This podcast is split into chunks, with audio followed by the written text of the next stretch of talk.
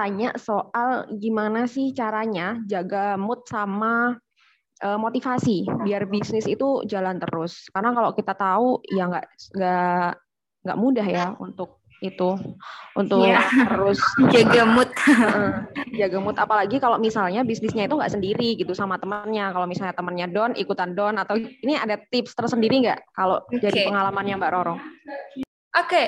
Aku pasti kalau ngomongin soal mood ini pasti ya itu sangat lekat dengan kita ya. Masih anak muda pasti bunga itu sama mood. Kadang kalau udah nggak mood itu kita tuh apa-apa tuh ya udah nggak mau. Apalagi bisnis kita ya nggak akan terurus. Nah itu yang perlu kita pelajari dan evaluasi. Kadang kita bisa mikir oh sebelumnya aku udah pernah bisnis dan gagal tuh karena mood aku yang nggak bisa terkontrol. Nah di situ kita perlu ada manajemen diri tadi. Kita bisa memisahkan nih emosi untuk diri dan emosi untuk usaha. Walaupun itu sangat-sangat sulit dilakukan tapi itu bisa bisa dilatih gitu ya teman-teman. Apalagi kalau bisnisnya itu bareng teman-teman. Nah, menurut aku eh, salah satu langkah yang aku ambil dari dulu untuk mengantisipasi hal ini nggak perlu banyak-banyak teman dalam satu tim bisnis gitu. Kita nggak usah kayak 10 orang dalam satu bisnis uh, itu justru akan sangat-sangat apa ya sangat-sangat um, merugikan untuk kita sendiri juga untuk mengaturnya dan sebagainya karena semakin banyak orang semakin banyak juga PR yang perlu kita siapkan dan juga energi yang perlu kita uh, berikan gitu. Makanya di awal untuk memulai bisnis itu nggak perlu kebanyakan teman gitu. Justru kita perlu meminimalisir adanya teman dan kita perlu memperbanyak adanya profesionalitas di dalam bisnis tersebut gitu. Karena kalau hubungannya ini kalau kita bisnis sama teman itu poin plusnya kita tahu apa namanya uh, dia seperti apa sebelum kita mengajaknya gitu kan. Tapi minusnya ya kalau misalnya ada konflik dan apa ya kita akan kehilangan tim, kita juga akan kehilangan teman gitu. Itu minusnya. Makanya kenapa kita batasi saja untuk jumlah satu tim ketika kita ingin merintis ya. Kecuali nanti kalau ketika kita udah udah mencoba uh, manajemennya udah mulai settle, kita udah tahu, kita bisa melepaskan hal itu ke orang-orang yang lain, kita bisa nih ambil teman-teman yang kita percaya gitu kan untuk bisa uh, kita ajakin. Nah, karena ini sangat sangat apa ya sangat mempengaruhi dalam mood kita dalam bekerja. Kalau kita ada konflik uh, internal dan itu hubungannya secara pribadi ya di ranah pribadi karena itu teman kita kita di luar itu uh, ada masalah sama dia tapi secara personal bukan di bisnis nah itu akan terbawa ke bisnis kita kalau misalnya mereka down kita juga ikutan down dan sebagainya makanya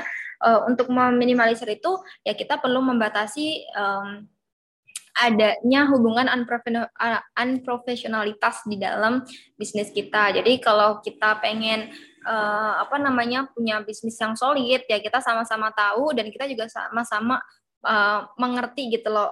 Ini kalau misalnya ada masalah seperti ini di luar kerjaan itu seperti apa kita menghadapi dan kita juga bisa ngasih arahan itu ke tim kita kayak gitu.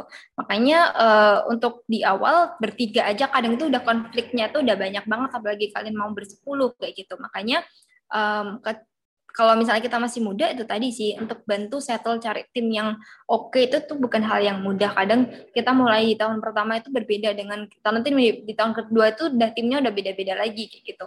Jadi di situ yang perlu kita uh, jadikan tameng adalah mood sendiri itu pasti akan mempengaruhi mood bisnis, makanya kenapa kita perlu memisahkan hal itu. Nah, untuk meminimalisir adanya konflik di tim di dalam internal bisnis gitu kan, itu yang ngejagainnya ya dengan cara ya kita eh, nggak uh, perlu banyak-banyak anak di dalam satu tim di awal, karena merintis bisnis itu menjadi poin atau step yang paling krusial dalam suatu bisnis ya. Jadi kalau di awal aja kita udah kebanyakan konflik, kita gimana mau jalan kayak gitu. Tapi justru kalau um, kebanyakan konfliknya itu untuk urusan bisnis ya, maksudnya uh, masalah tentang bisnis dan kita sebagai timnya itu berada di, suara yang sama itu nggak apa-apa. Tapi kalau uh, konfliknya itu ada di antara para yang punya bisnis nih itu yang akan sulit gitu loh. Dan ngejaga mood uh, untuk menjalankan suatu bisnis ya itu tadi karena kita berangkat dari cinta otomatis kita akan full effort untuk berada di sana. Makanya kenapa untuk memulai bisnis itu juga perlu berangkat dari apa yang kita suka gitu. Karena ketika kita nanti mau gak mood moodnya pun kita tuh masih ada balik lagi ke satu titik itu. Kita memilih itu karena kita punya alasan kita menyukai hal itu dan bla bla bla bla. Jadi kita perlu satu alasan kuat di awal dulu. Nanti ketika berjalannya nggak mood atau mungkin ada beberapa hal-hal faktor-faktor yang mempengaruhi ya kita bisa balik lagi ke poin itu tadi gitu. Untuk ngejaga uh, poin tujuan utama kita menjalankan ini dulu tuh apa sih kayak gitu. Kalaupun nanti ada konflik tuh balik lagi, kita balik ke uh, tujuannya bukan ngomongin soal hmm, permasalahan yang ada di dalamnya lagi gitu. Kalau kita ngomongin soal mood ya. Karena itu juga bukan merupakan hal yang awam ya. Jadi kayak itu wajar-wajar juga kita mut-mutan juga dalam menjalankan kegiatan kita sehari-hari. Tapi kalau itu ngomongin soal ke bisnis ya itu nggak bisa kita uh, terus-terusan seperti itu. Kita perlu nemuin apa ya hmm, kita perlu nemuin satu solusi ketika itu terjadi lagi kita tuh harus seperti apa sih kayak gitu itu akan berbeda-beda setiap keadaan orang dan juga um, kebutuhan dari tim tersebut gitu. Jadi makanya kalau dalam satu tim itu memang perannya akan berbeda-beda gitu. Ada yang jadi mediator, ada yang mungkin dia bisa jadi leadernya gitu, ada yang dia bisa jadi eksekutornya dan sebagainya. Gitu. Jadi penting untuk menemukan komposisi tim juga gitu. Jadi nggak bisa asal-asalan.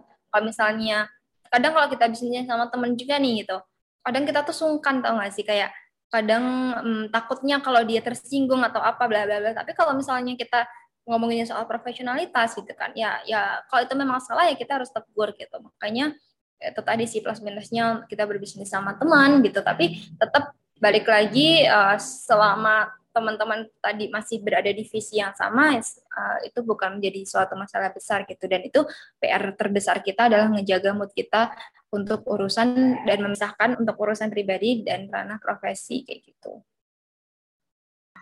Oke, oke. Terima kasih Mbak Roro. Jadi bisa jadi ya, mungkin semakin banyak tim, makin banyak masalah, gitu, banyak drama iya. gitu. Makanya kayak kita juga makin eh, banyak temen yang terlalu dekat ya, itu kan juga bukan hal yang baik ya sebenarnya. Makanya kenapa makin gede kita tuh kayak merasa aduh teman-temanku tuh yang mana sih? Kayak kadang tuh kita bingung gitu. Ya benar benar benar iya kan? Karena ya iya, kita ya, ya, ya. akan mulai merasakan ya adanya low maintenance relationship tadi gitu. Kita ya udah seperlunya aja uh, untuk berteman itu kita networking nanti ke depannya dan jangan sampai ada permusuh-musuhan karena kita nggak tahu kalau ke depannya nanti kita akan butuhkan dia gitu. Jadi ya itu tadi kita bisa ngejaga mood sendiri itu dari eh, batasan-batasan tadi sih Kak Vina. Jadi ya nggak ada masalah sih makin gede nggak makin nggak banyak temen tapi justru makin gede ya makin banyak relasi aja kita banyak relasi. Gak usah yang kayak ketergantungan dengan orang lain sebagai teman kita gitu.